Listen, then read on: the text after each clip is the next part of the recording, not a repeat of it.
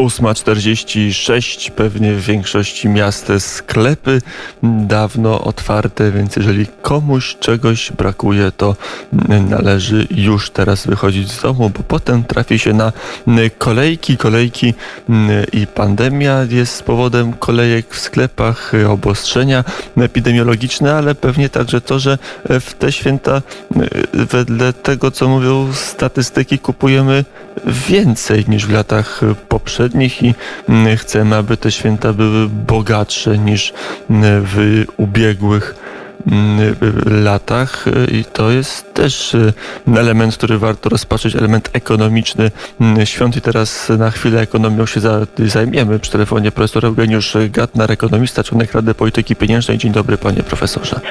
Dzień dobry panie redaktorze, witam państwa w wigilijny poranek. E, chociaż pewnie o takiej prostej ekonomii nie powiemy, o ekonomii wigilijnej po ile e, ser, a e, po ile karp, bo to nie jest do końca poziom refleksji, na jaką chciałbym pana profesora namówić, a refleksja dotyczy tego, na ile rodzi nam się nowa ekonomia, na ile przy okazji tych świąt i o tym po tym, co będzie po świętach, po szczepionce, obudzimy budzimy się w nowej rzeczywistości mm, ekonomicznej na ile powinniśmy się do niej przygotowywać, panie profesorze, to jesteśmy u progu przełomu ekonomicznego, czy też nie? Ja myślę, że nie, no nie ma mowy o jakiejś nowej ekonomii. Y, oczywiście zachowania konsumpcyjne Polaków i w ogóle ludzi na pewno się nie zmienią. Co się zmieni, to oczywiście e, mamy teraz odłożony dość mocno popyt. E, ten popyt e, widać na rachunkach bankowych. Oszczędności gospodarstw domowych bardzo wzrosły. One są o 30% wyższe niż w poprzednim roku, ale to jest właśnie to, że Polacy nie umieli kupować, więc jeżeli, jeżeli ten, nie mogli, ten, ten szczególnie usługi, dostęp do usług był utrudniony, wręcz niektóre są niedostępne, dostępne.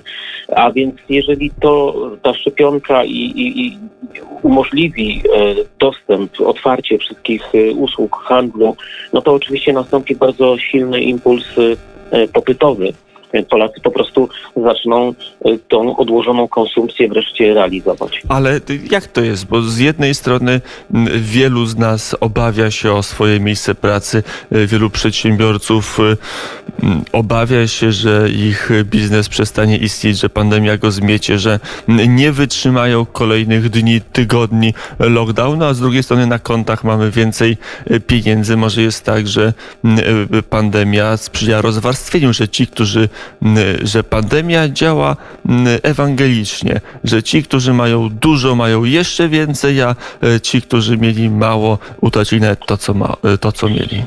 A to tak, to jest, to pan redaktor ma rację, to jeden ze skutków e, te, tej, tego kryzysu pandemicznego, jednym ze skutków jest właśnie to rozwarstwienie. I to y, oczywiście oszczędności wszystkich Polaków, można powiedzieć, jedno, jednocześnie rosną, ponieważ nie mogą konsumować, nie mogą kupować tego, co, co a, a lubili to robić i, i prze, przecież przed, przed kryzysem pandemicznym sprzedaż detaliczna strasznie rosła. Natomiast to rozwarstwienie jest y, wynikiem y, niskich stóp procentowych, no i tego, że rosną, wzrosły, wzrosły mocno ceny e, po prostu innych aktywów, takich jak e, mieszkania, jak ziemia, złoto, no wszystkie inne alternatywne aktywa, ponieważ oszczędności, trzymanie pieniędzy w banku jest po prostu bardzo mało opłacalne. Tak? Stopy procentowe są po prostu bliskie zera, a więc ci, którzy mają mieszkania, domy, mają obligacje, i, i to, to ich, ich majątki oczywiście wzrosły ich majątki mm, wzrosły. Okej, okay, czyli wszyscy Polacy, czy może nie wszyscy są tacy, że pewnie mają mniej na e, e, koncie, ale ogólnie polskie społeczeństwo nagle stało się pod względem dostępności łatwego do pieniądza bardziej zamożne, bo mm, statystycznie mamy więcej ich na koncie, możemy więcej ich wydać. Nie robimy tak. tego, no bo nie możemy pójść nie do restauracji, nie możemy pójść do kina, tak. do teatru. To trochę nasze budżety umacnia, zresztą e, to chyba każdy z Państwa zauważył zauważył, że nagle, e, kiedy e, te rozrywki zostały mu odcięte, to tych pieniędzy ma e, jakby więcej albo znacząco więcej, w zależności kto ile na takie rozrywki wydawał, no ale z drugiej strony to się kiedyś skończy, no bo ktoś pracuje w tych kinach, ktoś występuje na deskach teatrów, ktoś prowadzi restauracje. Jeżeli ci ludzie stracą dochody, stracą swoje pieniądze, to stracą także możliwość wydawania u kogoś innego, no i m, s- s- summa summarum dojdzie do recesji z tego, że mamy przez chwilę więcej pieniędzy, przyjdzie nam e, taki efekt, że będziemy mieli za chwilę tych pieniędzy wszyscy mniej. Przynajmniej tak by wynikało z prostej logiki. Nie, nie sądzę. Oczywiście tutaj proszę pamiętać jeszcze, że, że działa, działa państwo, a więc te wszystkie tarcze, które chronią przedsiębiorstwa, które chronią miejsca pracy, które wspierają e, powiedzmy te usługi e, no, trudno dostępne obecnie, tak, zamknięte. Więc o- one tak samo, t- tak samo tutaj działają e, ochronnie. Chcę No tylko jak długo, czy jak długo państwo może utrzymywać sektory, które nie pracują i dostarczać im gotówki? Teatrom, restauracjom, e, branży eventowej, żeby oni mogli Bardzo. kupować inne towary i to się tak będzie kręcić, że nagle państwo weźmie na utrzymanie kilkadziesiąt gałęzi gospodarki. No, no tak, tak to jest, tak to jest, E, ale tak jak pan powiedział, szczepionka i jakby ta nadzieja na, e, na wy, wychodzenie powolne z tego, z tego kryzysu, e, no pozwoli jakby racjonalnie to, to rozłożyć. Ja się tu nie martwię, że, nie, nie sądzę, że, że będzie miała miejsce jakaś, jakaś recesja. Naprawdę, naprawdę tutaj, tutaj czy, czy tak jak mówią niektórzy, stagflacja, recesja. Nie, nie sądzę, żeby coś takiego było, e, było możliwe. Stagflacja wszyscy- tylko przypomnijmy, zjawisko odnotowane e, na masową skalę w latach 70. Sytuacja, kiedy jest dość wysoka inflacja, a nie ma wzrostu gospodarczego. Tak, tak, tak. Więc ja uważam, że, że nic takiego nam nie grozi. E, mówię to i tak, to, ten kryzys trwa powiedzmy no niecały rok. Więc, e, więc to w sensie jakby tych historycznych doświadczeń to jest niewielki, to jest nie, niedługi okres.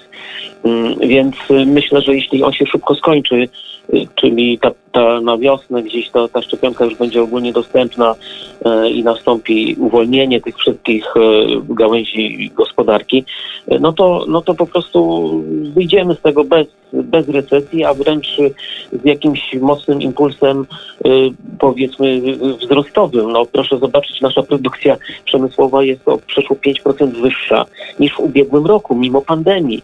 Więc, e, więc jakby produkujemy oczywiście w dużym stopniu na eksport, no ale, ale Polacy w tych sektorach produkcyjnych mają pracę. Rzeczywiście są kłopoty z, z branżami eventowymi, jak pan mówił, z hotelarstwem, turystyką i tak dalej. Natomiast ten sektor produkcyjny no po prostu znakomicie, znakomicie działa. Mm, i oby działał jak najdłużej, bo to jest rzeczywiście koło zamachowe gospodarki, ale e, te inne sektory, m, przecież e, restauracyjne i inne też nie są e, znowu aż tak mało m, istotne, ale to może jest takie twierdzenie, dobrze, Polacy mają indywidualnie na kontach więcej, ale wszyscy jako naród jako obywatele Rzeczypospolitej Polskiej e, dług to nam wzrósł, bo my się indywidualnie e, być może trochę wzbogaciliśmy, ale państwo się zadłużyło b- bardzo mocno. Zgoda, ale i tu trzeba powiedzieć, no tego długu trochę yy, zakupił Narodowy Bank Polski, a więc Bank Centralny, poprzez yy, swoje operacje w ramach tak zwanego yy, luzowania ilościowego, bo tak to się nazywa, czyli, czyli skupu aktywów z rynku wtórnego.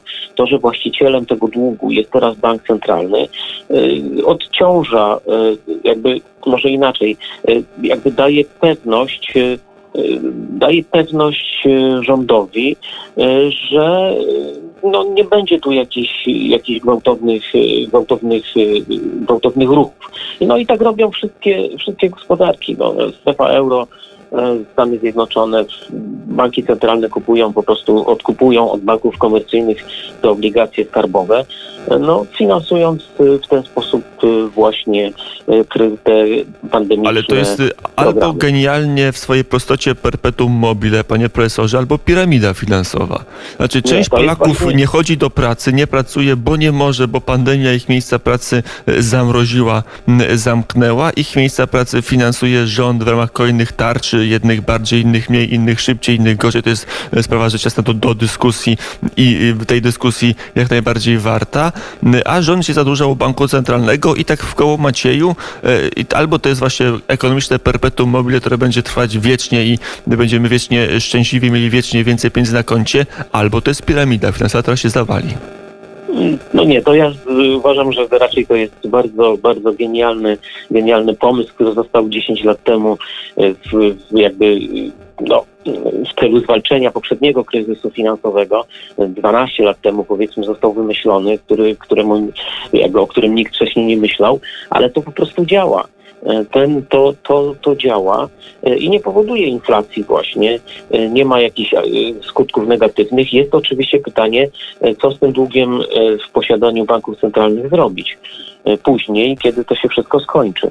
E, No i tu, tu są różne, różne, różne pomysły. Ale filozofia, to jeszcze zadam pytanie filozoficzne na koniec, czy jak się rozwijać, kiedy się nie pracuje? Jak tworzyć gospodarkę, kiedy e, istotna część tej gospodarki nie funkcjonuje, kiedy hotelarze, restauratorzy, kelnerzy, no mają na wynos, czasami mają więcej pracy na wynos niż, e, niż w lokalu, no ale często jest tak, że te lokale nie pracują i osoby albo siedzą w domu, albo robią inną pracę, ale nie są w pełni e, wymiaru zaangażowani. Skoro nie ma pracy, to jak może być wzrost gospodarczy?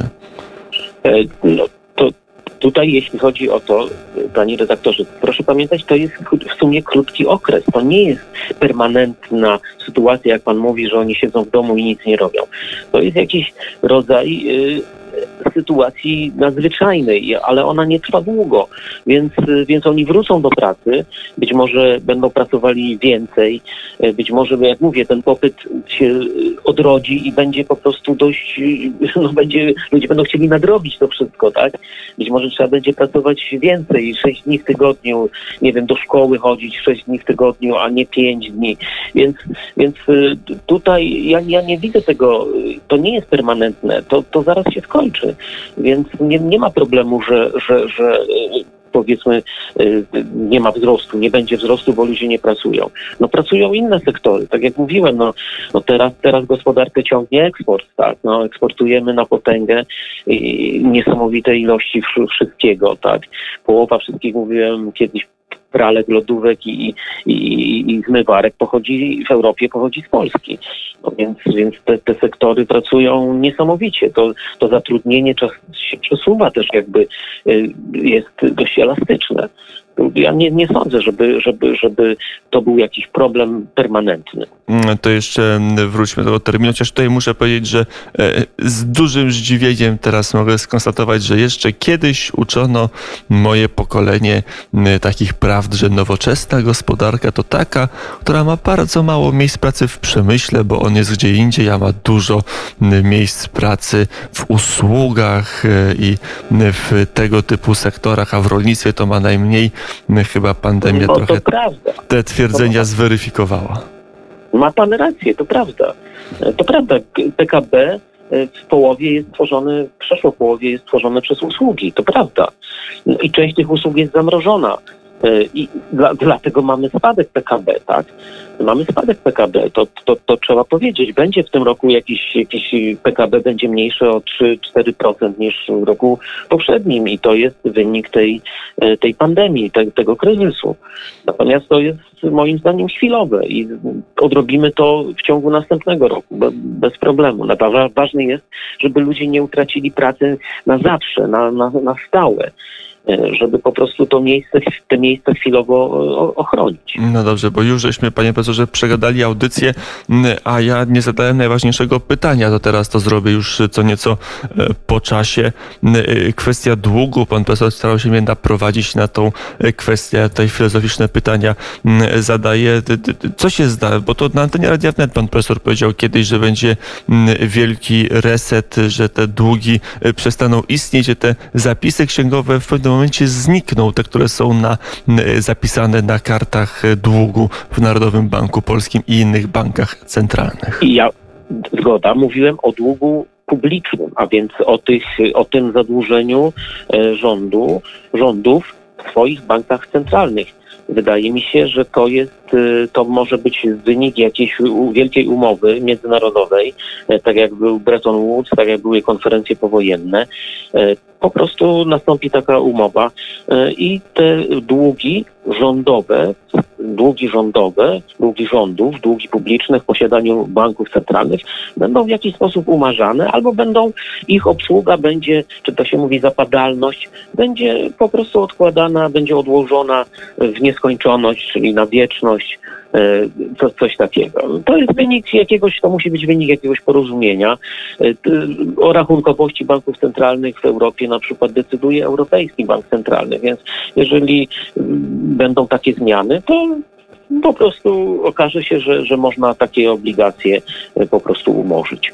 No I tak się może stanie i będziemy żyć w czasie, kiedy e, długi się będzie umarzać. Szkoda, że sam nie mam jakiegoś długu w, w zeszycie e, pana prezesa Glapińskiego. Wtedy pan prezes wziąłby długopis i skreślił zapis w, zeszycie, w zeszycie, a ja No. mógłbym e, dalej kupować pieniądze w Na długi Banku Polskim. prywatne to nie zadziała. Nie, nie, to, to na długi prywatne nie zadziała. To... A szkoda, a szkoda. Mógłbym być państwem, wtedy byłoby lepiej. Profesor Eugeniusz Gatnar, ekonomista, był gościem poranka wnet. Bardzo serdecznie dziękuję za rozmowę. Dziękuję, dobrych świąt. Nawzajem, wszystkiego dobrego. I ja Państwu również życzę wszystkiego mm, dobrego. Dwie minuty po godzinie dziewiątej. Dawno już tak nie przewaliłem audycji jak e, dzisiaj, ale niemniej e, życzę Państwu i mm, przed e, radioodbiornikami i e, tych, którzy nas w internecie, błogosławionych świąt Bożego Narodzenia, zdrowia, mm, szczęścia i rodzinnej atmosfery e, dla e, wszystkich. Dziękuję Dariuszowi Konkolowi za realizację i przepraszam całą redakcję. Dwie minuty po godzinie dziewiątej znowu jestem mocny, mocno spóźniony. Do usłyszenia.